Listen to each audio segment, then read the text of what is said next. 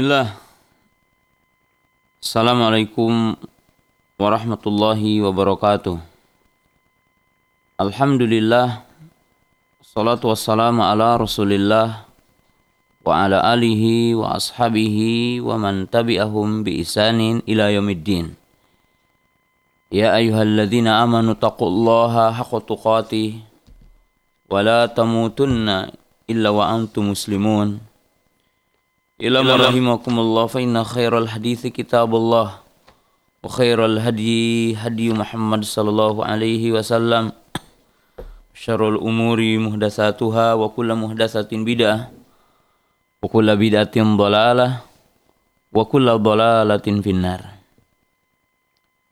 Ma'asyiral muslimin, para jamaah, para penuntut ilmu yang dirahmati Allah Subhanahu wa taala, para pendengar radio Riyadul Jannah di mana berada sahabat Riyadul Jannah yang semoga Allah Ta'ala senantiasa merahmati kita, memberkati kita, dan membimbing kita di jalannya.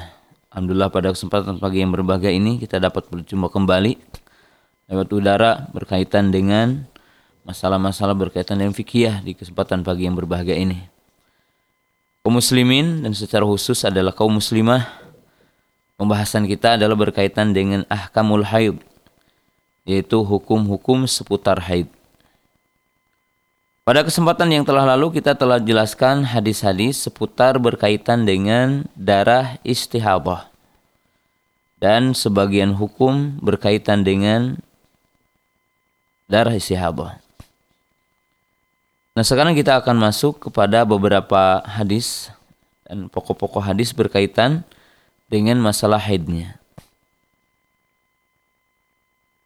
Kita akan jelaskan haid sebagaimana telah dijelaskan dalam pertemuan yang telah lalu dan hukum-hukum yang berkaitan dengan istihabah maka dalam kesempatan pagi hari ini kita akan ambil hukum-hukum yang berkaitan dengan haidnya. Dan haid telah dijelaskan oleh para ulama adalah jaroyanul mar'ah. Ini jaroyanu damil mar'ah min farjiha. Fi awqatin makhsusah. Atau fi waqti fi waqtin makhsusin. Fi zamanin makhsusin. Bisifatin makhsusin. Darah haid adalah darah yang keluar dari faraj wanita dalam waktu yang tetap atau dalam waktu yang biasa. Dengan sifat juga yang khusus. Itu adalah darah haid.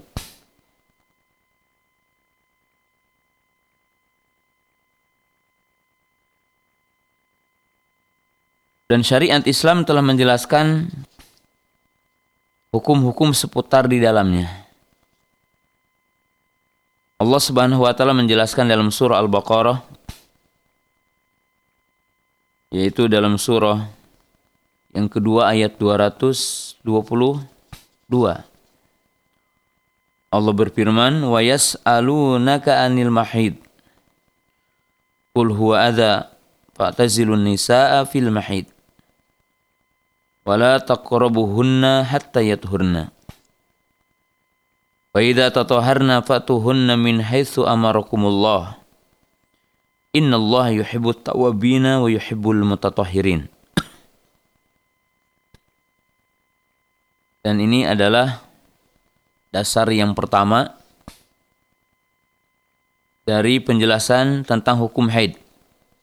Jadi kaum muslimin, kaum muslimah yang menjadi dasar hukum bagi setiap di antara kita berkaitan dengan haid yang pertama adalah surah Al-Baqarah ayat 222. Yas'alunaka anil mahid.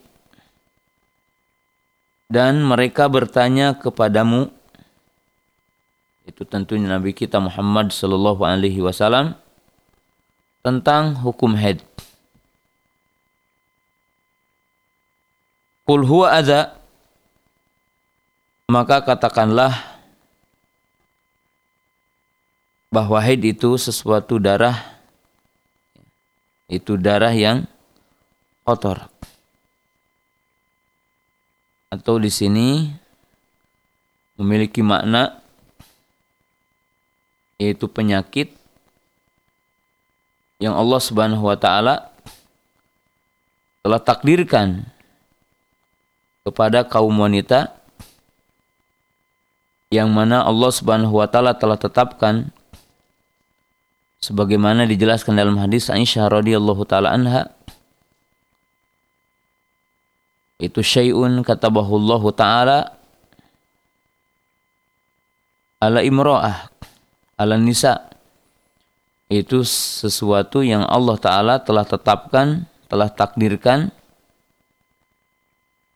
dan termasuk juga siklusnya artinya waktu dan hari-harinya Allah Ta'ala telah tetapkan kepada kaum wanita yang memiliki makna di mana haid itu akan datang dan datang dalam waktu-waktu yang telah ditetapkan dan telah ditakdirkan oleh Allah Ta'ala kepada bani pada kaum wanita.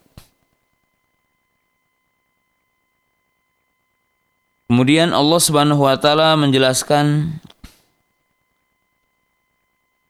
setelah itu hukum-hukum yang wajib diketahui oleh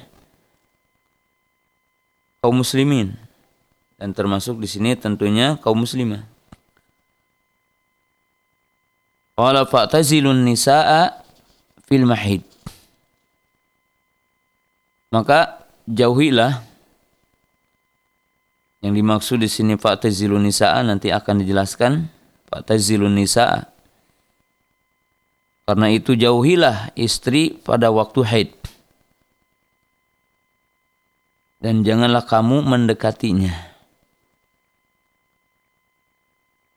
Wala taqrabuhunna hatta yathurna.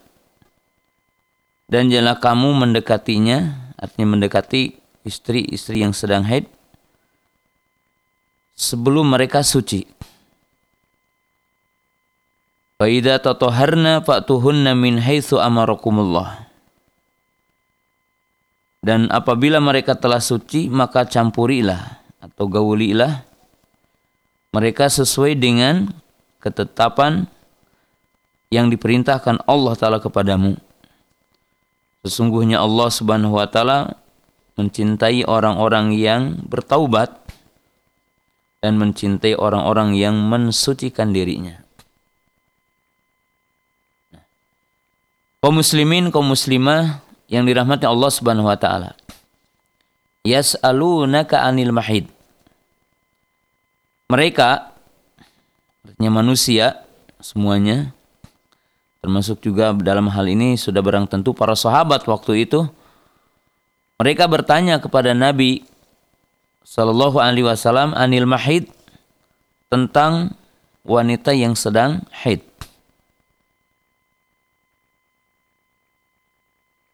Kenapa bertanya tentang wanita yang sedang haid? Karena di sini kaum muslimin jamaah yang dirahmati Allah Subhanahu wa taala bahwa dalam kebiasaan orang-orang Yahudi waktu itu dan mungkin juga sampai sekarang dan orang-orang Nasara yang memiliki hukum yang berbeda dengan kaum muslimin. Di mana di sini umat Islam ada dalam dua sisi. Artinya ada dalam pertengahan, umatan wasata. Wa kadzalika ja'alnakum umatan wasata. Dan demikianlah kami jadikan kalian sebagai umat pertengahan. Maka manusia atau agama-agama yang ada itu berada dalam dua sisi yang berbeda dalam menyikapi wanita yang sedang haid. Satu kelompok mereka menghardik menjauhkan wanita yang sedang haid dari lingkungan keluarganya. Suaminya tidak boleh berdekatan dengan istrinya yang sedang haid. dan diusir dari rumahnya. Tidak boleh berbicara dengannya, duduk bersamanya. Tidak boleh makan bersamanya. Apalagi tidak boleh tidur bersamanya. Wanita yang sedang haid itu dikucilkan.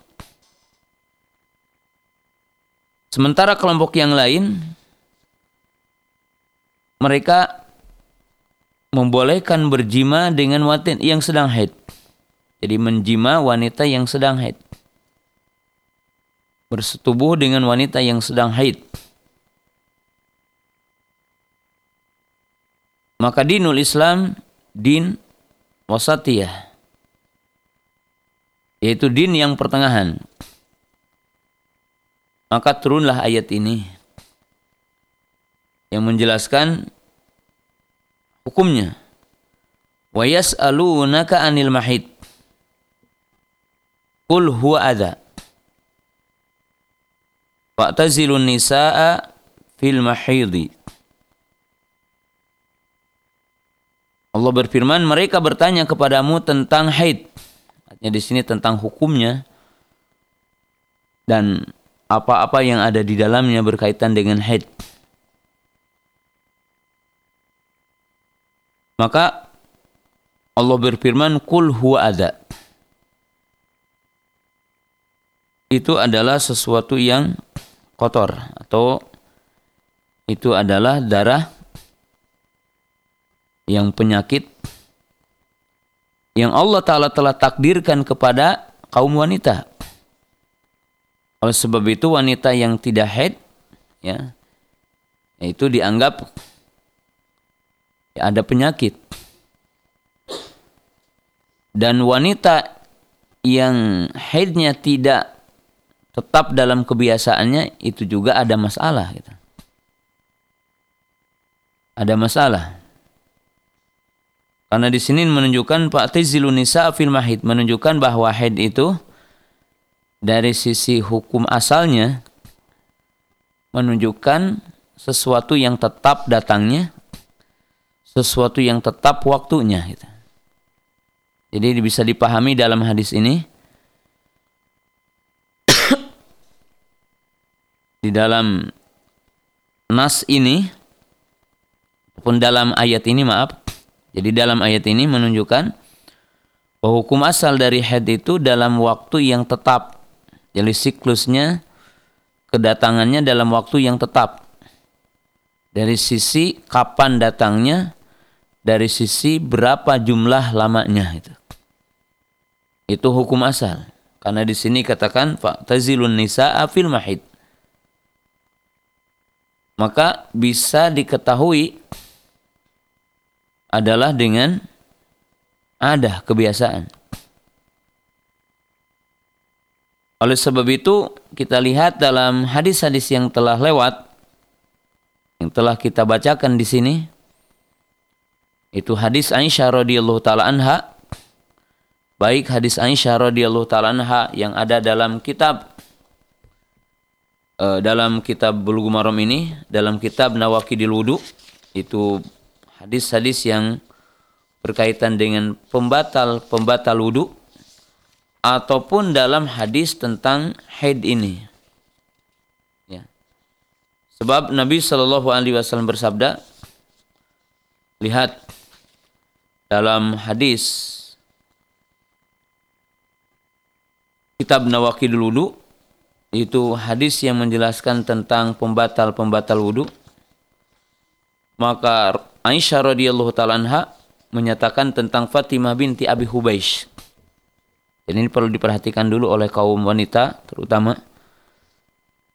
Qalat Aisyah radhiyallahu taala anha Ja'at Fatimatu bintu Abi Khubaishin ila Nabi sallallahu Faqalat Ya Rasulullah inni imra'atun ustahadu fala athuru afa ada ussalat qala la inna dzalika irkun Walaysa bihaidin fa idza aqbalat haidatuki fada'i salata wa idza adbarat dam summa salli Fatimah binti Abi Hubeish radhiyallahu taala anha datang kepada Nabi sallallahu alaihi wasallam dan beliau bertanya kepadanya dan berkata aku adalah wanita yang terkena penyakit istihabah. Keluar darah banyak dan terus menerus. Apakah aku meninggalkan sholat? Kata beliau, tidak. Inna madzalika irkun. Jadi ini adalah hanyalah darah penyakit katanya. Jadi darah penyakit.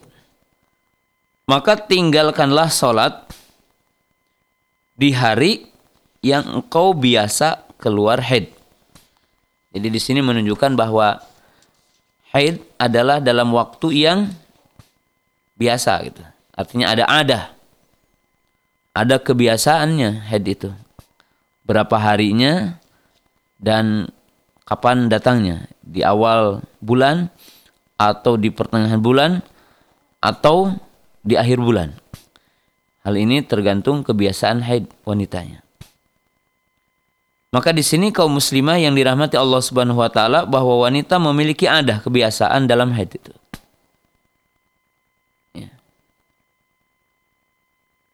Kemudian haid juga sesuatu yang dikenal darahnya. Jadi sesuatu yang dikenal darahnya. Dan masih dalam hadis Fatimah binti Abi Hubeish Ya, Fatimah binti Hubeish radhiyallahu taala anha. Ini binti Abi Hubeish radhiyallahu taala anha. Maka dikatakan dalam riwayat yang lain inna damal haidi damun aswadun yu'raf. Fa amsiki anis salata. Fa idza kana al akharu Nabi SAW mengatakan sesungguhnya darah haid adalah darah yang hitam. Maka apabila kamu, wahai kaum wanita, melihat warna itu, maka tinggalkanlah dari sholat. Artinya jauhilah sholat, tidak boleh apa? Sholat. Nah, di sini menunjukkan bahwa darah haid itu darah yang diketahui. Min haisul adah, min haisul laun jadi darah haid itu darah yang diketahui waktu-waktunya ada. Jadi para ibu tentunya dalam kehidupan kaum wanita tahu ada kebiasaan. Dan bisa diketahui dari sisi warna. Karena tentunya para ibu yang dirahmati Allah Subhanahu wa taala perlu diketahui oleh kaum wanita bahwa yang keluar dari faraj itu ima darah haid, ima darah nifas atau darah istihabah. Jadi darah haid, darah nifas, darah istihabah. Nah, darah istihabah damun ahmar, yaitu darah yang berwarna merah gitu. Jadi warna berwarna merah.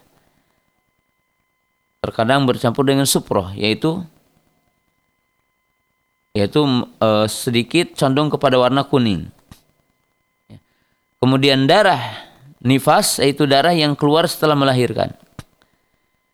Kemudian perlu diketahui oleh kaum wanita ya yang keluar dari faraj itu termasuk juga nanti ada yang dinamakan as-sufrah wal kudrah. As-sufrah wal kudrah.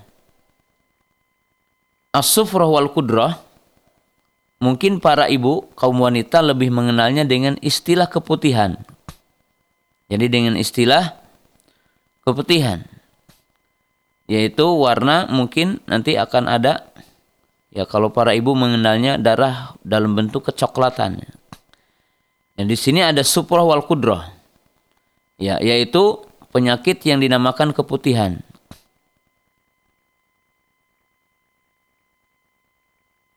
Nah, as-suprah dalam istilah para ulama adalah alma alladhi tarahul mar'ah qassadidi ya'luhu ispirar yaitu darah ataupun air yang keluar dari para wanita yang ini sejenis mungkin bentuknya adalah ya mungkin seperti nanah itu. Artinya seperti itu ya, putih tetapi bercampur ke warna kuning.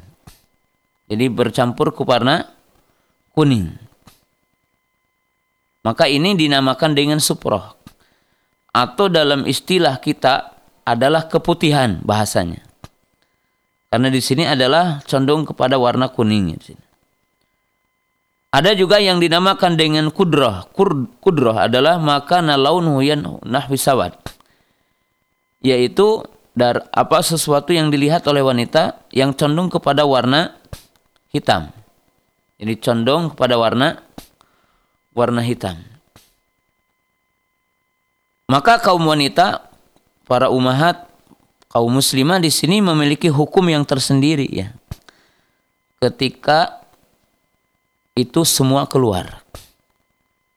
Ya, jadi ketika itu semua keluar. Nah, saya akan tafsir di sini.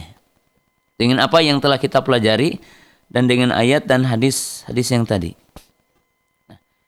Kita keluarkan dulu yaitu darah nifas. Karena darah nifas itu yaitu darah yang keluar indal widal wiladah atau ba'dal wiladah. Yaitu darah yang keluar ketika melahirkan atau setelah melahir. itu adalah darah nifas. Nah, kita keluarkan dulu ini karena ini tentunya hal yang jelas ya bagi kaum wanita melahirkan dan keluar darah. Itu dinamakan dengan darah nifas. Tapi yang mungkin akan keluar harian tanpa melahirkan. Yang pertama adalah udah kita bahas yaitu darah istihabah. Di mana darah istihabah adalah darah yang keluar dari farj wanita di hari-hari yang dia bukan haid. Jadi keluar di luar waktu yang biasa dia head. Dan dia bisa diketahui darah nifas ini, maaf darah isi habah ini, juga dengan warna.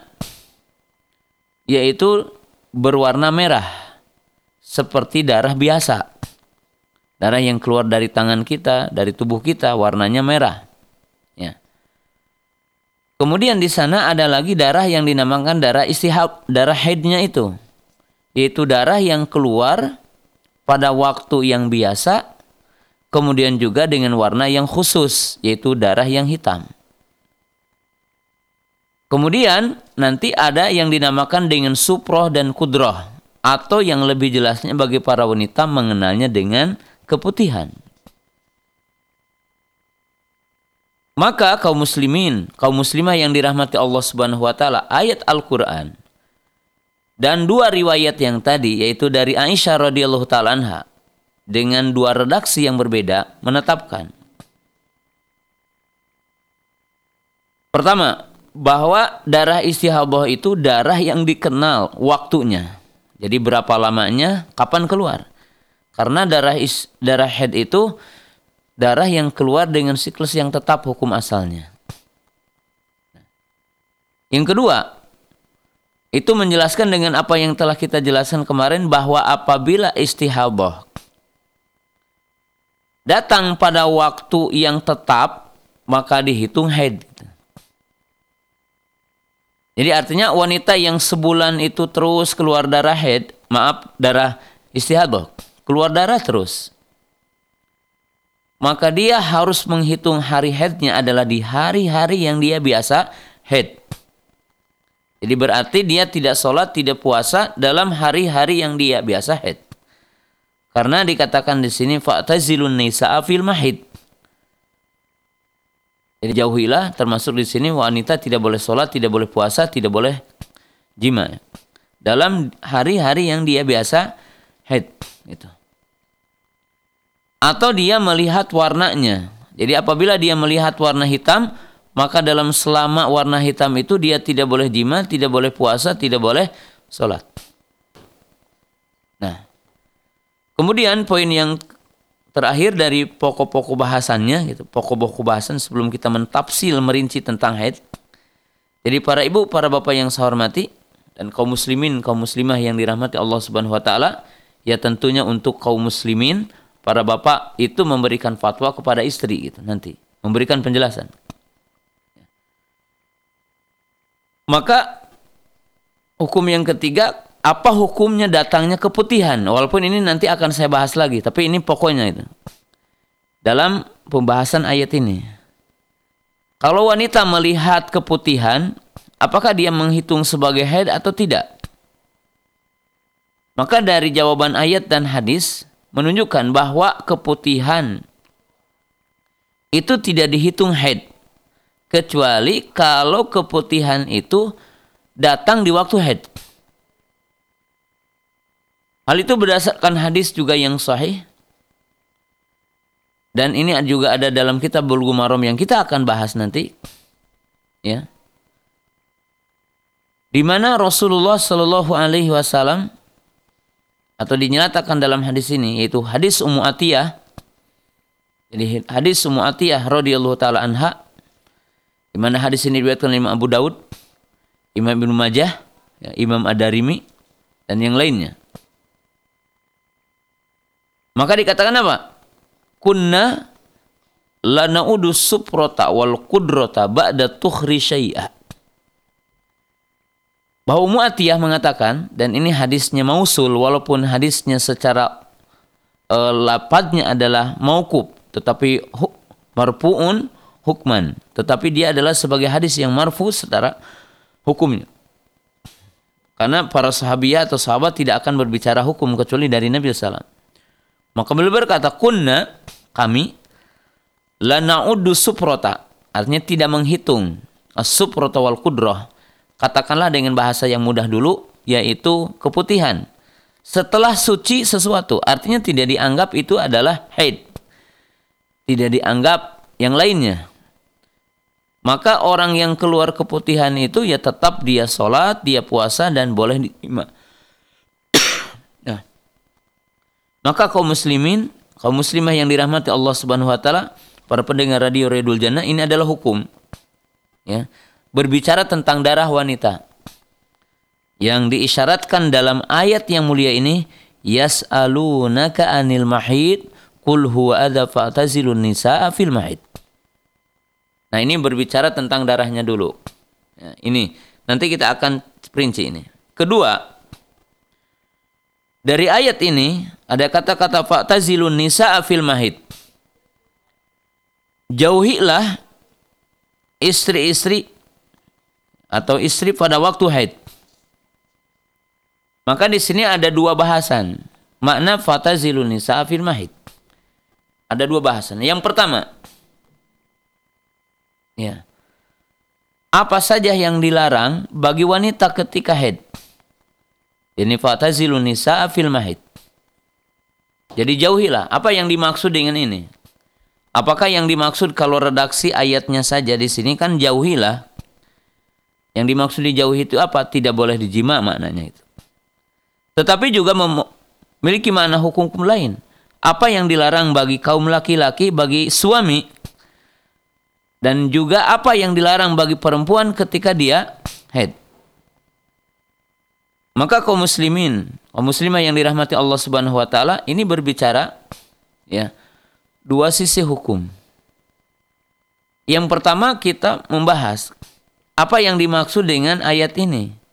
Fatazilu nisa fil mahid. Itu berkaitan dengan masalah wanita yang haid. Apakah tidak boleh duduk, tidak boleh tidur bersama wanita yang sedang haid?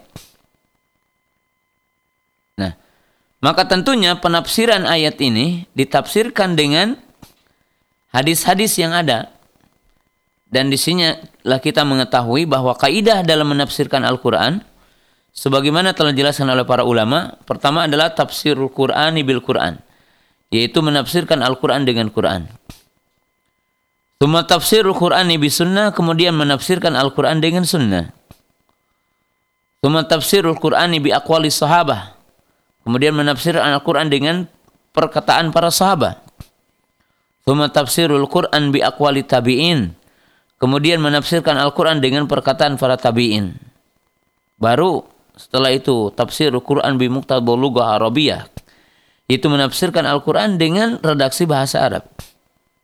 Dan tidak ada penafsiran Quran dengan akal semata, ya, dengan penemuan ilmiah ataupun yang lainnya. Ini adalah kaidah dalam menafsirkan. Maka kaum muslimin jamaah yang dirahmati Allah Subhanahu wa taala bahwa ayat ini dan turunnya ayat ini di mana para sahabat ridwanullah taala alaihim telah sampai kepada mereka tentang apa yang dilakukan oleh orang-orang Yahudi. Jadi tentang apa yang dilakukan oleh orang-orang Yahudi dan ini pun ada nanti di ujung dari kitab Bulughul Maram ini. Jadi di dalam bab ini lihat nanti di ujungnya tapi kita akan sebutkan di sini dulu. Disebutkan dalam hadis Anas bin Malik, "Annal Yahuda kanu idha habatil mar'atu minhum lam yu'akiluha wa lam yujami'uha fil buyuti." Dikatakan bahwa orang-orang Yahudi apabila istrinya atau wanita di antara mereka adalah itu haid, maka tidak diajak makan bersamanya dan tidak dijima di rumah. Bahkan di dalam riwayat yang lain bahwasanya mereka itu dikucilkan. Eh, mereka adalah dikucilkan.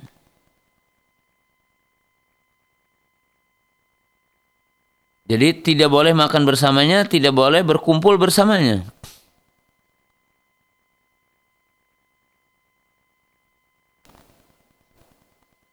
Kemudian Nabi Hasan bersabda dan menjelaskan kepada para sahabat apa? Tentang mereka wanita yang haid.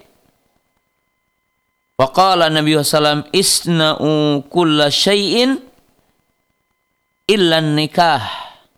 Ini nikah lakukanlah segala sesuatu kecuali nikah. Artinya boleh dengan isti adalah apa bermubasyarah, bercumbu, ya. Duduk-duduk bersamanya. Bahkan di sini ya boleh menciumnya, boleh bercumbu dengannya. Kecuali tidak boleh nikah, yaitu tidak boleh berjim maksudnya di sini.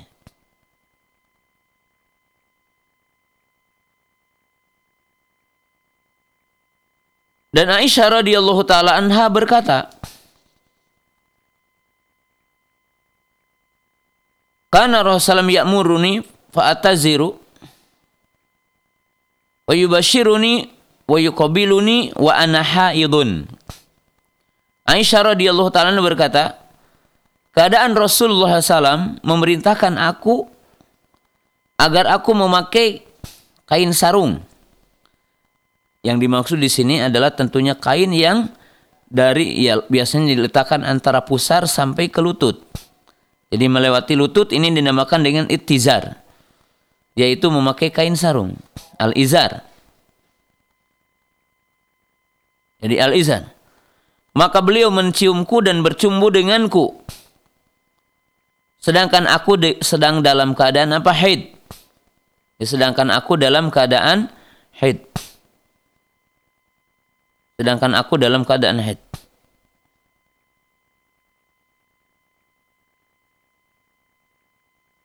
Kemudian dalam riwayat yang lain dikatakan ma yahilu li min imraati wa hiya haidun illa ma fawqal izar. Dikatakan dalam riwayat lain itu dalam hadis Abdullah bin Sa'ad Al-Ansari tidak halal bagiku yaitu istriku sedangkan dia sedang haid kecuali yang di atas kain sarung. Ya supaya kita gampang aja ya dengan bahasa yang ada saja karena ini maksudnya itu yaitu izar adalah pakaian kain yang diletak atau dipakai ke bawah. Itu namanya izar. Nah, maka kaum muslimin sahabat Riyadul Jannah yang dirahmati Allah Subhanahu wa taala. Nah, ini adalah dalam Islam. Jadi Islam ini pertengahan antara orang-orang yang melarang bercumbu, berkumpul dengan istri, ya. Dengan orang-orang yang menjima wanita sedang haid, maka keluar hukum ini. Keluar hukum ini. Dan jelaskan hukum ini. Dan kita akan tafsir lagi nanti insya Allah di sini. Tapi kita berbicara tentang awal global dari hukum. Sedangkan yang kedua, dari ayat ini sesungguhnya juga di sana ada hal-hal yang dilarang bagi wanita yang sedang haid.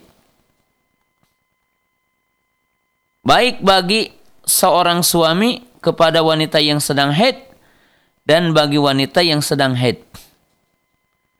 Yang pertama jelas di sini dikatakan tidak boleh menjima wanita yang sedang haid. Ini hukum yang kita akan jelaskan nanti. Termasuk di dalamnya adalah tidak boleh tawaf wanita yang sedang haid.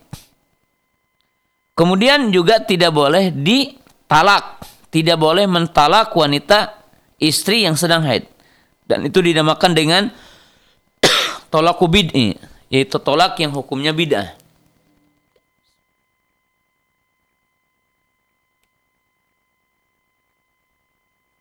Dan dikatakan bid'ah karena menyelisih syariah. Sebagaimana nanti juga akan datang dalam babnya bahwa Abdullah bin Umar radhiyallahu taala anhu mentalak istrinya sedang haid. Maka apa Umar bin Khattab radhiyallahu taala anhu menceritakan kepada Nabi SAW bahwa anaknya mentalak istrinya sedang haid.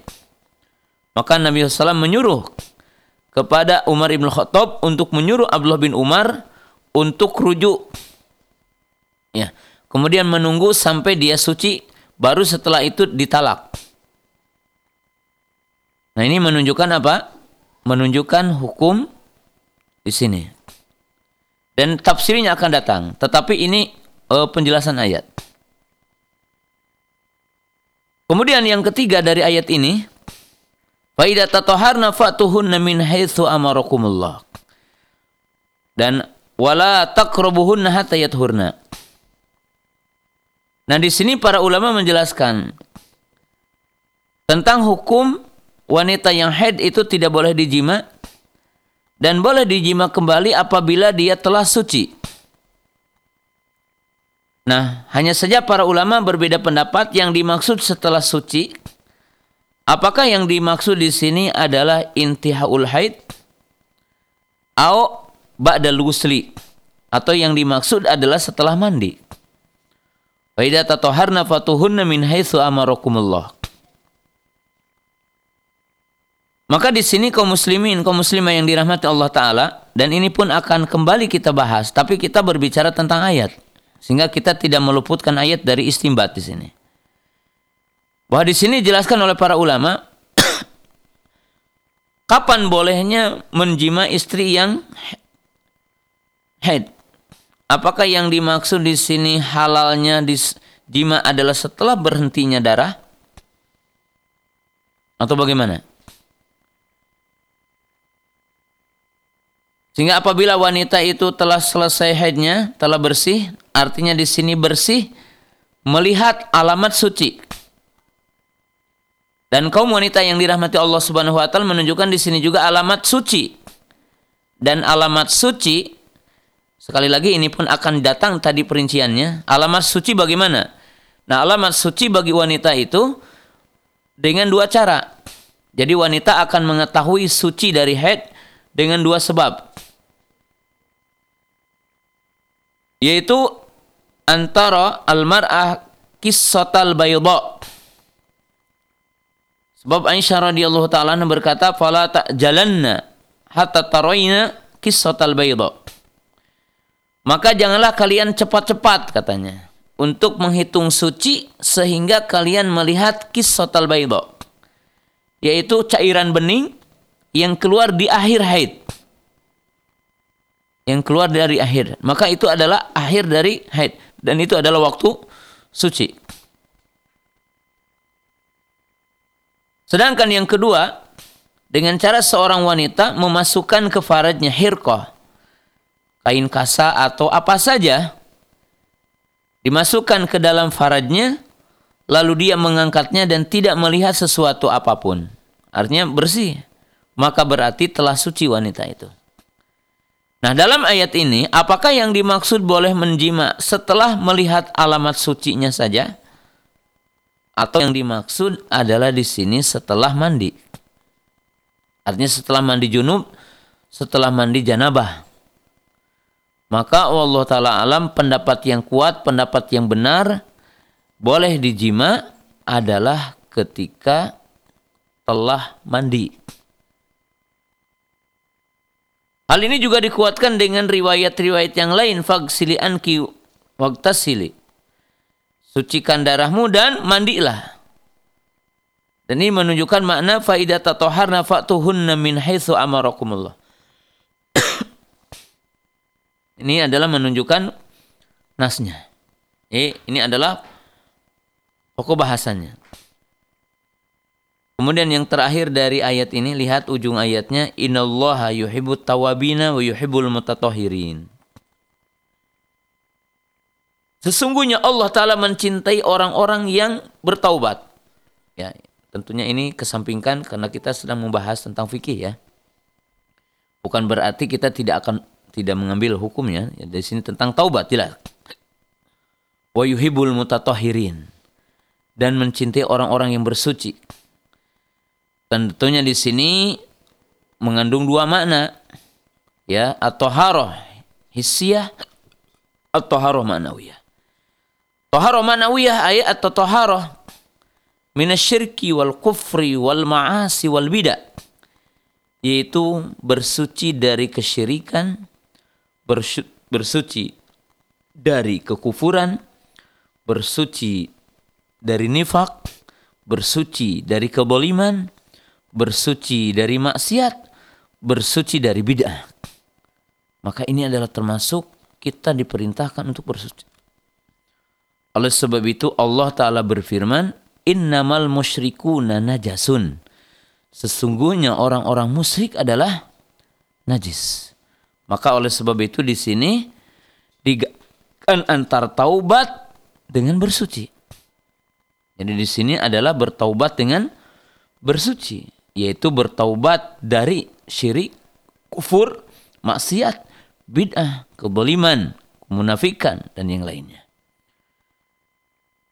Kemudian disebutkan ini wa yuhibbul mutatahirin bersuci juga dari najis. Jadi bersuci dari najis. Maka di sini menunjukkan bahwa salah satu hikmah tidak boleh menjima wanita yang sedang haid, maka juga dapat diungkap bahwa wanita yang sedang haid itu tidak boleh dijima karena akan menyebabkan penyakit. Ya, termasuk sebagian ahli dokter mengatakan akan menimbulkan penyakit-penyakit ya seperti kemungkinan penyakit-penyakit yang berkaitan dengan ya kanker dan sebagainya akan timbulnya apa yang dinamakan kista dan sebagainya bagi wanita. Dan demikian juga bagi sang suami. Maka dilarang apa untuk menjima wanita yang sedang haid. Jadi menjima wanita yang sedang haid. Maka kaum muslimin, kaum muslimah, sahabat Riyadul Jannah yang dirahmati Allah Subhanahu wa taala, maka inilah uh, apa bahasa dari ayat ini. Nah, kita akan membahas satu bahasan berkaitan dengan head di sini, ya. Setelah kita tahu dengan ayat ini, maka kita mengetahui sebagaimana dijelaskan oleh para ulama bahwa head itu punya ada maklumah, punya waktu-waktu yang tetap. Jadi punya waktu-waktu yang tetap. Punya hari kebiasaan bagi wanita head itu. Jadi ada siklusnya. Datang dan perginya ada waktu yang tetap ya. Jadi waktunya ada waktu yang tetap ya. Datang dan perginya dalam waktu yang tetap. Nah, maka kaum muslimah yang dirahmati Allah Subhanahu wa taala, kita akan bahas hal-hal yang sangat penting berkaitan dengan hukum wanita yang sedang haid berkaitan dengan waktu-waktunya itu. Ya. Jadi waktu waktunya. Pertama, bidayatuhu wa nihayatuhu. Jadi awal dan akhir dari wanita haid. Jadi awal dan akhir dari wanita haid. Jadi kapankah wanita itu awal haidnya? Jadi di sini dinamakan dengan akol usinni wa akbaru sinni. Yaitu apa? Dari sisi umur terkecil wanita haid. Jadi umur terkecil wanita haid. Dan umur tertua wanita haid.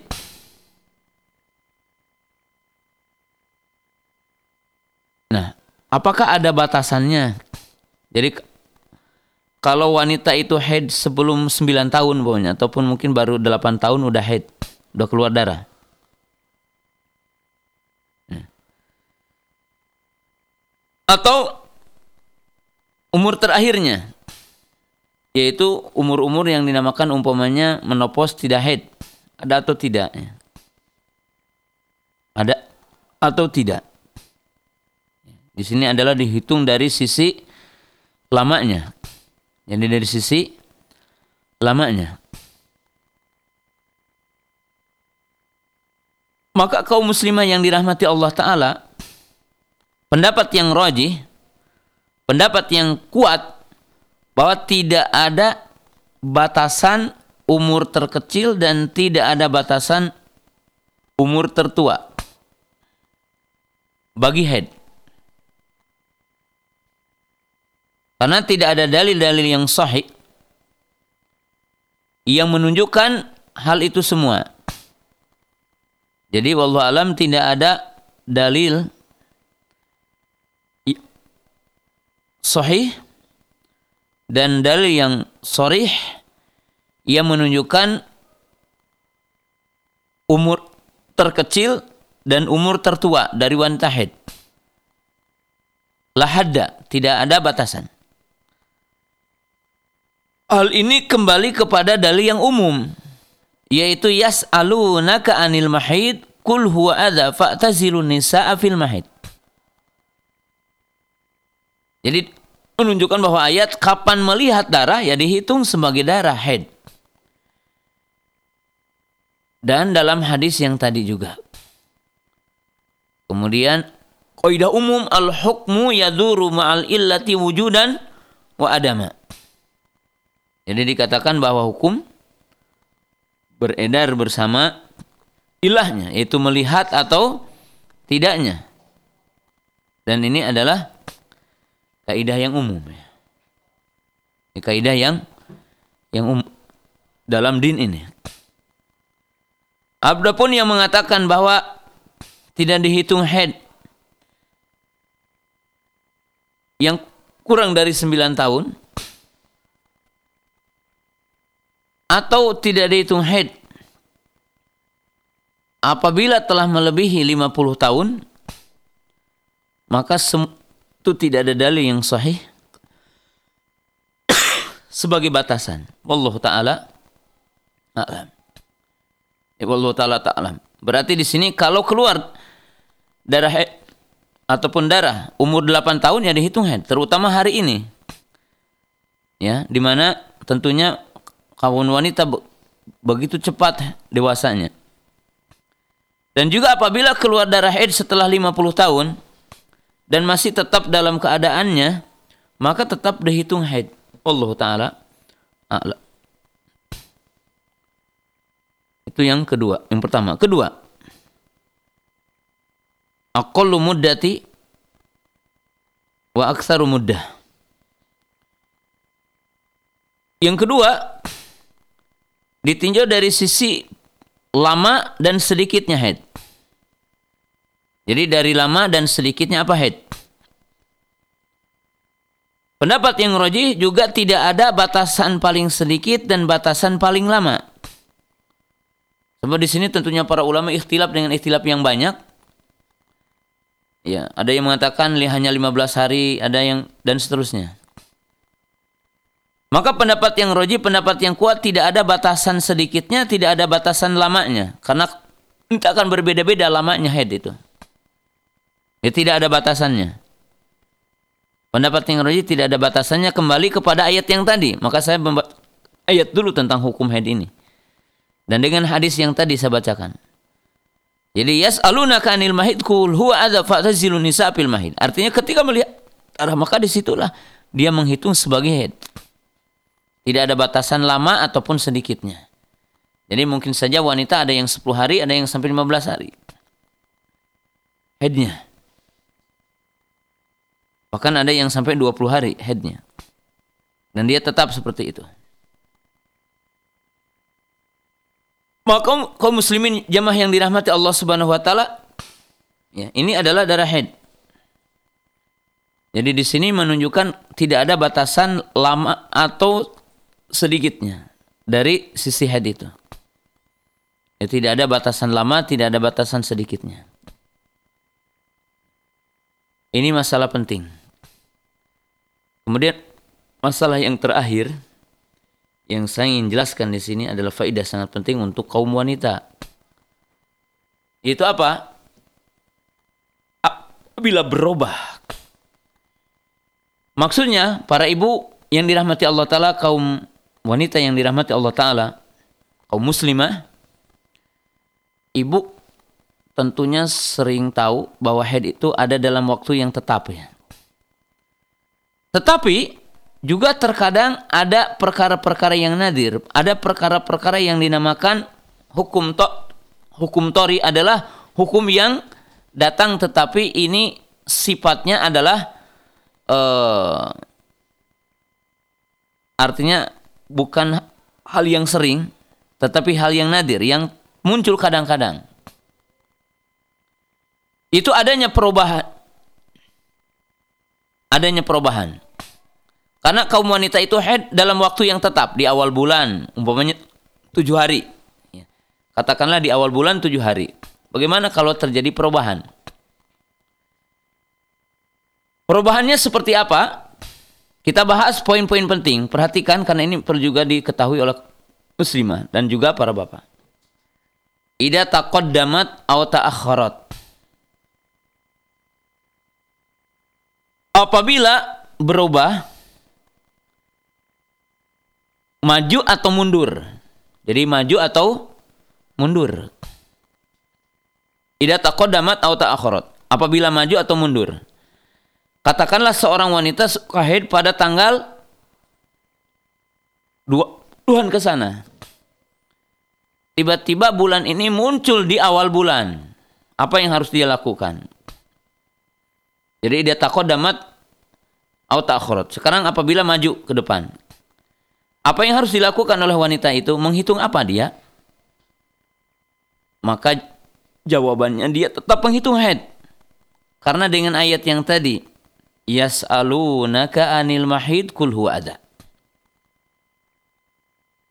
Bagaimana kalau dia berubah ke akhir?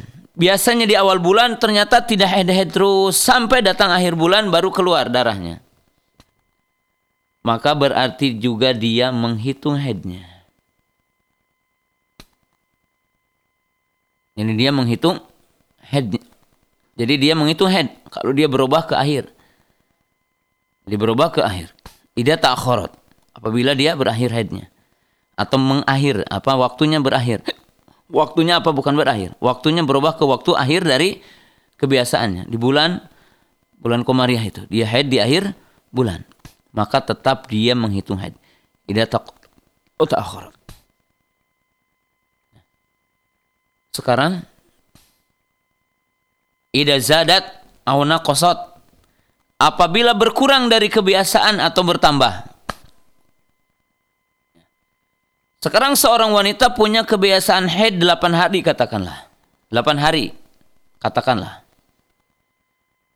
Idat makosot auzadat. Bagaimana kalau dia berkurang atau bertambah dari hari kebiasaannya? Tiba-tiba pada hari yang kelima telah melihat alamat tuhri, alamat suci. Jadi alamat suci. Hari yang ke-6, ke-7, seterusnya tidak ada lagi. Maka apabila berkurang, maka berarti tidak perlu dia itu harus meninggalkan sholat, puasa, dan jima di hari-hari yang udah tidak melihat haid. Karena ayatnya mengatakan apa? Fa'tazilun nisa'a fil mahid. Wa idza haidatuki fada'i salata wa idza adbarat fagsiri anki dan musalli. Ini menunjukkan atau dalam hadisnya dikatakan um kusi qadroma kunti tahbisuki haidat. Jadi tinggalkanlah atau tahan seukuran headmu. Jadi seukuran headmu. Nah ini dalilnya. Bagaimana kalau bertambah? Ya. Dia bertambah sampai 10 hari dari 8 hari tadi. Maka kalau bertambah selama dia headnya, maka dia juga menggambarkan headnya dan menghitung headnya sehingga dia berhenti. Karena tadi dikatakan yas'alunaka anil mahid kul huwa fa'tazilun nisa fil mahid. Ini yang kedua. Jadi dia tetap menghitung headnya sehingga berhenti darahnya. Ketiga. Idan qata'at summa adat. Idan qata'at summa apabila berhenti kemudian kembali. Jadi apabila dia berhenti kemudian dia kembali. Artinya melihat almat suci kemudian kembali lagi darah haid itu. Maka bagi para wanita ini ada dua kondisi kalau terjadi seperti ini. Itu yang dikatakan ida adat, idan kotoat, suma adat. Apabila berhenti kemudian kembali. Ada kondisi. Kondisi yang kedua, ida adat fi ayyamil adah. Apabila kembali pada hari-hari yang dia biasa head. Katakanlah si wanita itu headnya 8 hari. Kemudian tiba-tiba suci pada hari yang kelima. Pada yang ketujuhnya, 6 ketujuh suci. Tiba-tiba pada hari yang kedelapannya, dia adalah suci. Maaf, datang lagi darahnya. Maka kaum muslimin, kaum muslim, Allah Ta'ala, ketika hari yang suci, maka dia adalah sholat. Tetapi ketika datang lagi, darah haidnya itu dalam hari yang dia biasa haid, maka menghitung lagi sebagai darah haid. Karena darah itu darah yang diketahui dalam waktu yang dia haid. Maka dihitung sebagai darah haid, Fa'tazilun nisa afil mahid. Tetapi kalau seorang wanita darah haidnya itu 8 hari. Lalu ber, pada hari yang kelima dan bersuci setelah itu lalu datanglah pada hari yang ke-15 harinya. Yaitu di luar kebiasaan dia waktu haid jadi keluar dalam kebiasaan di dia haid maka wallahu taala alam dia menghitungnya sebagai darah apa istihadah dia tidak menghitung haidnya jadi dia menghitung sebagai darah istihadah dan dia tidak menghitung haid kenapa? Sebab darah haid itu darah yang diketahui dalam waktu yang telah biasa. Maka apabila keluar dari kebiasaan maka itu dinamakan dengan darah istihadah wallahu taala alam. Sampai di sini pembahasan kita di pagi yang berbahagia ini berkaitan dengan berbagai hukum tentang wanita yang haid. Dan masih banyak sekali hukum-hukum yang kita akan bahas berkaitan dengan wanita yang sedang haid Allah taala. Baik, jazakumullahu khairan katsir khairul jaza kami ucapkan kepada Al Abu Qatadah hafizallahu taala untuk materi yang telah disampaikan pada kesempatan pagi hari ini dari lanjutan tentang fikih Islam dari pembahasan darah haid di pagi hari ini dari lanjutan pertemuan kita sebelumnya. Baik, untuk pertanyaan pertama, kita akan bacakan terlebih dahulu dari pesan singkat melalui SMS. Baik, Assalamualaikum warahmatullahi wabarakatuh. Ustadz saya mau bertanya, saya adalah seorang istri yang dicerai oleh suami saya yang tanpa sebab. Apakah laki-laki tersebut termasuk orang yang zolim Ustaz? Maaf tidak sesuai dengan tema. Wassalamualaikum warahmatullahi wabarakatuh. Ya, ya jelas termasuk yang zolim ya. Dan tentunya kita wajib memahami ya. Hukum asal dalam pernikahan itu harus dipertahankan. Hukum asal dari pernikahan itu adalah ala dawam. Dan tidak melakukan perceraian kecuali ada sebab-sebab syar'inya. Walaupun ya hal itu tidak sampai haram, tetapi dia makruh dan berdosa ketika mendolimi istrinya. Allah taala alam. Baik, jazakumullahu khairan kasiro kepada Alustan untuk jawaban dari penanya kita yang pertama. Kemudian untuk pertanyaan kedua, kembali kita akan bacakan dari pesan singkat Assalamualaikum warahmatullahi wabarakatuh. Ustadz, apakah wanita yang sedang haid boleh mengunjungi makam atau tidak, Ustadz? Ya, itu saja. Oh, kita memang akan bahas ya. Ziarah kubur ya bagi wanita itu ada perbedaan di kalangan para ulama tentang hukum wanita ziarah kubur ya. itu pertama ya. Ziarah kubur tentunya adalah sunnah ya. Ziarah kubur itu dianjurkan berdasarkan hadis umum kuntu nahaitukum an ziaratil kubur fazuruha Aku dulu melarang berziarah kubur dan sekarang silahkan kalian untuk melakukan ziarah kubur. Fa innaha tudzakirukumul mauta. Sesungguhnya ziarah kubur itu akan mengingatkan kematian. Jadi ziarah kubur hikmah dan tujuan dari ziarah kubur adalah mengingatkan kematian bagi kita. Jadi mengingatkan kematian bagi kita. Dan apa yang dimaksud dengan ziarah kubur? Ziarah kubur hikmah dan tujuan utamanya pertama adalah untuk mengingatkan kematian. Jadi agar hati kita itu luluh, agar hati kita itu ingat kematian, agar hati kita itu tidak condong ke dunia semata, tidak terbuai dengan kehidupan dunia, bahwa kita itu adalah diciptakan dari tanah, dan kita akan dimasukkan ke liang lahat. Akan kembali. Kemudian kita nanti akan dihisap, akan menghadapi berbagai perjalanan. Dan tentunya adalah mati adalah awal dari kehidupan baru. Jadi mati adalah awal dari kehidupan baru. Sedangkan yang kedua, hikmah dari ziarah kubur adalah mendoakan penghuni kubur. Dan sudah barang tentu bukan untuk berdoa kepada penghuni kubur. Artinya meminta berdoa kepada penghuni kubur. Atau untuk berdoa di kuburan. Ini yang harus dipahami oleh kaum muslimin. Jadi untuk apa ziarah kubur? Ziarah kubur adalah untuk mengingatkan kematian.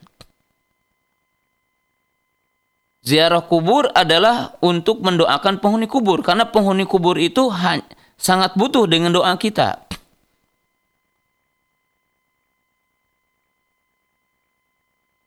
Kalau kita sekarang kan kebalikannya, orang ziarah kubur itu bahkan untuk dunia. Padahal ziarah kubur itu mengingatkan kematian. Orang pingin kebal datang ke kuburan. Orang pingin hartanya maju datang ke kuburan. Orang pingin jualannya laku datang ke kuburan.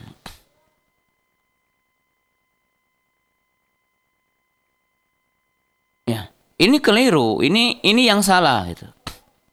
Berkaitan dengan ziarah kubur. Ya. Ziarah kubur itu tujuannya agar kita ingat kematian. Jangan malah kita itu ingin seolah-olah kita itu ingin apa sepanjangnya hidup ya, pingin harta banyak, pingin umur panjang gitu ya. ya, tidak salah kita meminta harta banyak umur panjangnya. Tetapi menafikan ini semua gitu ya. Yang kedua ziarah kubur itu adalah mendoakan penghuni kubur. Oleh sebab itu Nabi SAW itu ketika beliau setelah menguburkan dikatakan di dalam hadis Utsman bin Affan diriwayatkan oleh Abu Daud karena Nabi SAW idza faraga min dapnil mayyiti waqafa hunayha faqala istaghfiru li ahikum wasalu lahu tathbita fa innahu yus'alul an Nabi SAW mengatakan atau keadaan Nabi SAW apabila beliau setelah menguburkan maka berhenti sejenak. Lalu beliau berkata, mintakanlah pengampunan bagi saudaramu dan memintakanlah keteguhan untuk menjawab pertanyaan-pertanyaan malaikat munkar dan nakir karena sebentar lagi dia akan ditanya oleh Allah Subhanahu wa taala. Jadi oleh Allah Subhanahu wa apa akan ditanya oleh dua malaikat. Perintahkan oleh Allah taala ya, diperintahkan oleh Allah taala untuk bertanya yaitu munkar dan nakir. Dan Rasulullah SAW mengatakan sesungguhnya kuburan adalah awal manzil bagi manusia. Jadi awal kehidupan, awal tempat bagi manusia. Apabila mudah, maka akan mudah setelahnya. Apabila sulit, maka akan sulit setelahnya. Maka kita disunahkan untuk berdoa. Doanya apa? Assalamualaikum ya ahla diyar. Minal muslimina wal mu'minin. Wa inna insyaallah bikum lahikun. Nas'alullaha lakum lana nas'alullah al-afiyah lana walakumul afiyah. Kita mengatakan assalamualaikum. Ya ahla diyar minal muslimin wal mu'minin. Insyaallah kami juga akan mengikutimu. Aku meminta kepada Allah lana walakum al-afiyah, afiyah. Keselamatan dari adab bagi aku dan kalian. Lihat di sini. Lihat doa yang diajarkan dalam sholat apa? Allahumma gfir lahu warhamhu wa'afihi wa'fu anhu wa nuzulahu wa wasima dukhalahu. Allahumma naqihi min khatayaya kama naqaita abyad min danas. Allahumma adkhilhu daran khairan min darihi wa ahlan khairan min ahlihi. Wa zawjan khairan min zawjihi wa adkhilhu al jannata wa qihi min adzabil qabri wa min adzabin nar. Subhanallah. Ini doa. Bagi siapa? Bagi orang yang ziarah kubur lalu adabnya tidak boleh menginjak kuburan ya tidak boleh duduk di atas kuburan maka dalam hadis itu tidak boleh membawa sandal. Ya, kecuali mungkin kalau kuburannya kebetulan banyak durinya. Maka ada udur. Sehingga dinyatakan dalam hadis lebih baik aku untuk duduk di atas bara api daripada aku harus duduk di kuburan.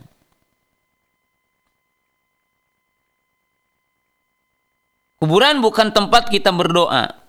Artinya berdoa buat kita. La taj'alni qabri idan. La taj'alu buyutakum kubura. Nabi SAW mengatakan janganlah engkau menjadikan kuburanku sebagai id. Artinya yang didatangi dengan ritual. Ya ziarah kubur tidak boleh ditetapkan ya.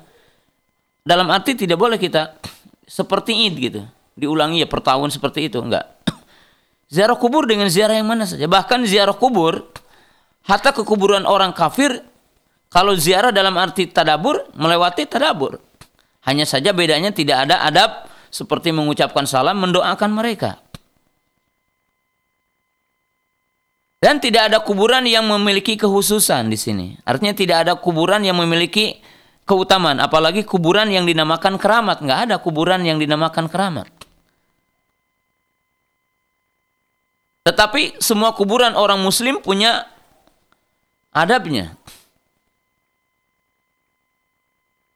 Ya, punya adabnya. Kita datang Tapi tidak ada kuburan yang memiliki keutamaan. Dalam arti keutamaan di sini bukan keutamaan orangnya, tentunya keutamaan Nabi SAW jelas ya. Tetapi tidak ada keutamaan. Umpamanya adalah berdoa di kuburan Nabi. Berdoa di kuburan Syekh Pulan, nggak ada. Keutamaan berdoa di situ akan mustajab, tidak ya. Di mana saja kita berdoa mustajab. ada ketentuan umpamanya kuburan ini. Saya datang ke kuburan ini supaya doa saya diijabah Allah Ta'ala nggak ada. Nggak pernah dilakukan oleh Nabi Sallam. Nabi Sallam tidak pernah mencari-cari kuburan umpamanya para nabi sebelumnya. Ataupun para sahabat datang ke kuburan Abu Bakar, kuburan Umar, ataupun Utsman, ataupun Ali. Lalu mereka berdoa kepada Allah di kuburan-kuburan itu. Tidak ada keutamaan. Kita diperintahkan untuk berzikir mengingat kematian dan diperintahkan mendoakan orang yang meninggal dunia itu. Maka kita diperintahkan sholat jenazah, sholat jenazah isinya doa semuanya. Jadi isinya apa doa? Semuanya. Nah berkaitan dengan wanita. Nah, di sini para ulama berbeda pendapat tentang hukum wanita ziarah. Ada yang mengatakan wanita abdolnya tidak ziarah kubur. Ada yang mengatakan boleh wanita ziarah kubur. Tetapi di sini walaupun yang mengatakan boleh ada hadis di mana Nabi SAW mengatakan la'anallahu zawaratul kubur. Hadisnya adalah sahih wanita, bahwa apa Allah melaknat wanita yang banyak ziarah kubur. Yang hadisnya. Maka di sini para ulama berbeda pendapat tentang hukum wanita. Untuk laki-laki jelas sunnah. Ya. Untuk wanita bagaimana? Nah di sini ada perbedaan. Nah, para ulama yang mengatakan tidak boleh wanita ziarah kubur dan mengantarkan jenazah bagi wanita tidak boleh. Hal itu kenapa? Karena ada larangan niyahah. Niyahah itu untuk meratapi kematian. Dengan seperti mencakar-cakar muka, merobek-robek baju, histeris meninggal, apa nangis. Maka kata para ulama, atau sebagian para ulama yang mengatakan tidak boleh, karena wanita itu lembut hatinya. Jadi lembut hatinya. Nanti takut-takut udah lama ketika dia ziarah kuburan suaminya, ziarah kubur umpanya ibunya, lalu tiba-tiba mengingat akan jasa-jasa ibunya, bapaknya, lalu dia menangis, histeris di sana. Maka yang tujuannya adalah mengingat kematian, malah dia melakukan apa yang terlarang. Itu sebagian para ulama. Tapi dalam masalah ini ya bagi para ibu yang berpendapat umpamanya boleh ziarah kubur, nah tinggal apa seperti Syekh Albani juga membolehkan wanita ziarah kuburnya. Jadi Syekh Albani rahimahullah taala membolehkan wanita ziarah kubur. Sementara ulama-ulama yang lainnya mengatakan tidak boleh seperti Syekh Ibnu Utsaimin, Syekh bin Baz dan yang lainnya. Tetapi bagi para ibu yang berpendapat wanita itu boleh ziarah kubur, maka perhatikan yang tadi. Pertama, tujuan dari ziarah kubur adalah mengingat kematian. Yang kedua, ibu adalah untuk mendoakan penghuni kubur. Kemudian adabnya mengucapkan salam, Kemudian tidak boleh menginjak kuburan, tidak boleh duduk di atas kuburan. Kemudian ya, tidak boleh hukum asal adalah tidak boleh memakai sandal. Ya.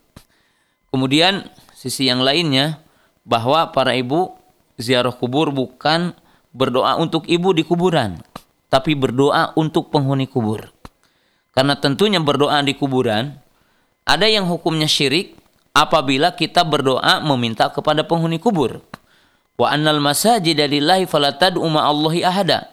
Sesungguhnya masjid adalah milik-milik Allah, maka janganlah kamu meminta kepada selain Allah taala, berdoa kepada selain Allah. Ud'uni astajib lakum. Berdoalah kepadaku, memintalah kepada padaku. Ia kana budu wa iya kana stain. Wa annal masajid lillahi fala tad'u Allahi ahada. Wa ma umiru illa liya'budullah mukhlishina lahuddin. Ya. Ad-du'aul huwal ibadah. Doa itu adalah beribadah maka tidak boleh memalingkannya kepada selain Allah Ta'ala.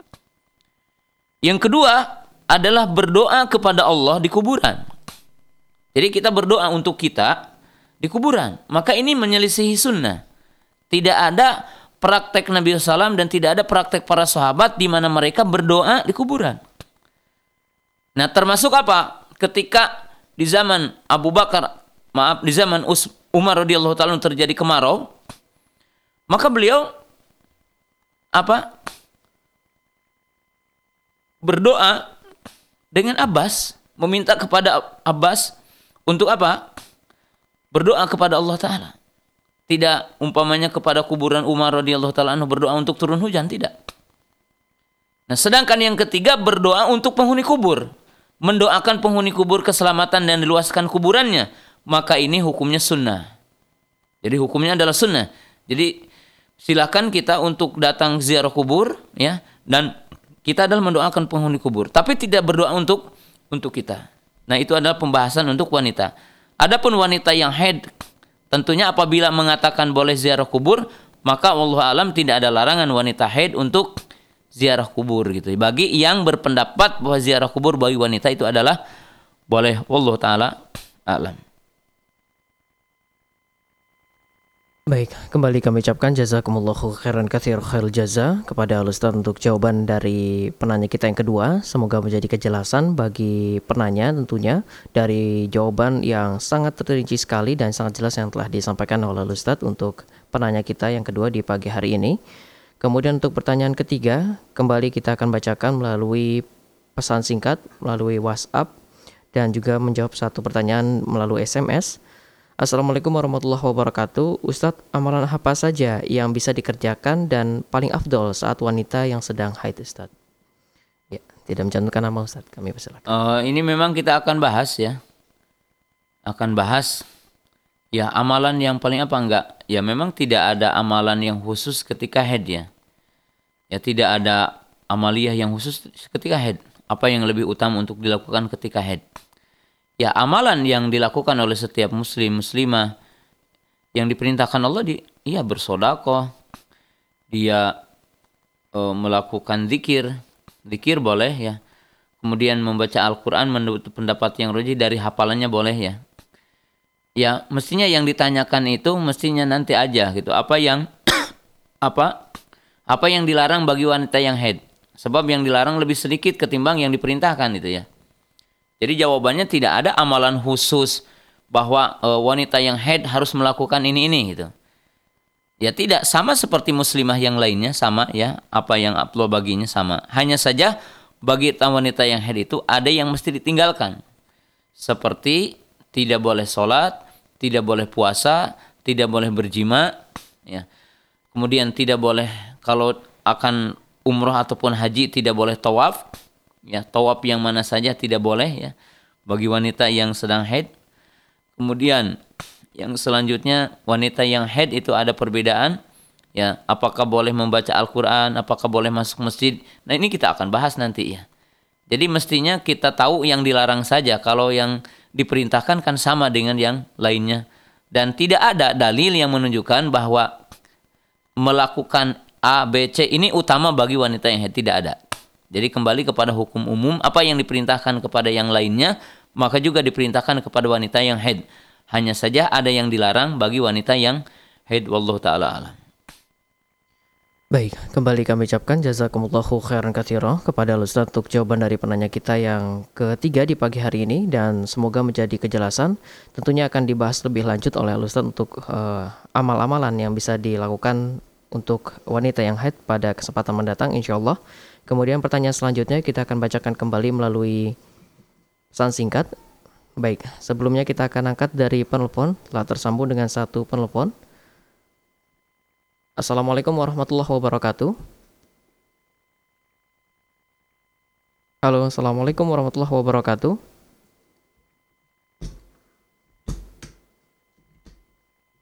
Halo. Halo. Iya, baik. Dengan Bapak siapa di mana? Ihsan Ustaz. Baik, dengan Abu Ihsan di Sukaratu. Ahlan wa sahlan. Kami pertanyaan Bapak dengan pertanyaan. Ustaz. Uh, begini Ustaz tentang istihadoh. Seperti kata Ustaz ada seorang wanita istihadoh selama tiga bulan saja. Itu kan untuk menentukan masa haid itu dikembalikan kepada adah dan tamyiz kata Ustaz. Itu untuk yang istihadoh tiga bulan Ustaz uh, kebiasaannya itu kan tidak tentu si wanita itu. Kadang mulai headnya itu misalnya pagi jadi subuh mulai berhenti atau maghrib atau kapan. Yang kami tanyakan itu Ustaz karena apa tadi karena adanya itu juga tidak biasa, tidak biasa misalnya tidak pagi terus sehingga subuh mulai berhentinya berhenti sholatnya. Jadi kita untuk menentukan kapan kita mulai berhenti sholat dan kapan kita mulai sholat itu bagaimana Ustaz itu? Itu saja Ustaz mohon Baik. penjelasannya. Baik. Jazakallah khairan. Assalamualaikum warahmatullahi wabarakatuh. Waalaikumsalam warahmatullahi wabarakatuh. Ya. Ya sebenarnya kita hitungnya hari ya tidak dihitung dengan mungkin jamnya gitu. Karena kalau jam itu adalah berbeda-beda gitu. Jadi harinya saja tidak berkaitan dengan beda-beda gitu ya. Allah taala alam. Jadi kembali kepada harinya ya. Otomatis hari itu setelah subuh ya. Allah taala alam. Nah. Baik, jazakumullah khairan katsira, khairul jaza. Kembali kami ucapkan kepada Ustaz untuk jawaban dari penanya kita yang kelima dari Abu Ihsan di Sukaratu untuk jawaban uh, dengan singkat dan insya Allah menjadi kejelasan bagi penanya dan tentunya bagi para pendengar sekalian. Kemudian pertanyaan selanjutnya kita akan bacakan melalui pesan singkat kembali melalui SMS. Assalamualaikum warahmatullahi wabarakatuh. Ustadz Afwan di luar tema, bagaimana hukumnya seorang lelaki yang hanya bercumbu namun kadarullah harus diwajibkan mandi wajib pada bulan Ramadan Ustadz. Apakah harus mengganti puasanya? Ya, seperti itu pertanyaannya. Iya. Iya, kurang jelas juga Anasat. Ya, jelas. Oh, keluar air mani di waktu puasa ya, itu keluar mani di waktu puasa. Nah, keluar mani di waktu puasa itu ada dua jenis. Yang pertama min goiri kosdin. Jadi keluar air mani tanpa dengan maksud. Min goiri amalin, tanpa dengan amal. Kal ihtilam, seperti karena mimpi. Maka ijma para ulama apabila orang mimpi di siang hari, mimpi jima, maka ijma tidak wajib dia mengkodok puasanya dan puasanya tetap sah. Dan puasanya tetap tetap sah.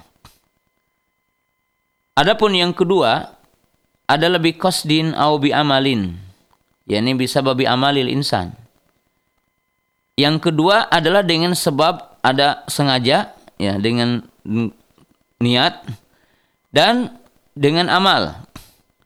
Ya seperti tadi ya itu kan orang bercumbu dengan istrinya, ya bercumbu dengan istrinya, lalu keluar air mani. Atau mungkin apa yang dinamakan hari ini apa yang dinamakan dengan istimna ataupun orang melakukan onani. Jadi orang melakukan onani. Nah, batal atau tidak? Jumhur ulama berpendapat itu adalah batal. Ya, jumhur ulama adalah batal, dia wajib untuk mengkodok, bertobat dan mengkodok sholat apa puasanya. Mereka berdalil dengan hadis Abu Hurairah radhiyallahu taala anhu bahwasanya Rasulullah SAW mengatakan malam yada qaula zuri wal amila bihi falaysa lillahi hajah fin an yada ta'amahu wa syarabahu. Barang siapa yang puasa tapi tidak meninggalkan ucapan zur wal amila bihi Nah, ini termasuk juga uh, dikatakan wa alami lebih adalah ya berkata kotor ataupun yang berkaitan dengan jima sehingga keluar air mani. Maka Allah tidak butuh dengan tidak butuh dengan haus dan dahaga dan laparnya dia. Nah, di sini jadikan dalil oleh jumhur ulama bahwa orang yang sengaja mengeluarkan air mani ima dengan istimna ataupun dia bercumbu dengan istrinya keluar air mani maka puasanya batal dan baginya adalah untuk mengkodok puasanya. Tetapi sebagian para ulama ada yang mengatakan tidak batal gitu ya. Tapi ini adalah pendapat kebanyakan para ulama ya, pendapat kebanyakan para ulama bahwa orang yang sengaja ya mengeluarkan air mani ima dengan onani ataupun dengan seperti tadi orang ya mestinya dia menjaga gitu ya. Kemudian dia bercumbu sehingga keluar air mani. Maka itu adalah batal puasanya dan baginya mengkodok. Wallahu taala alam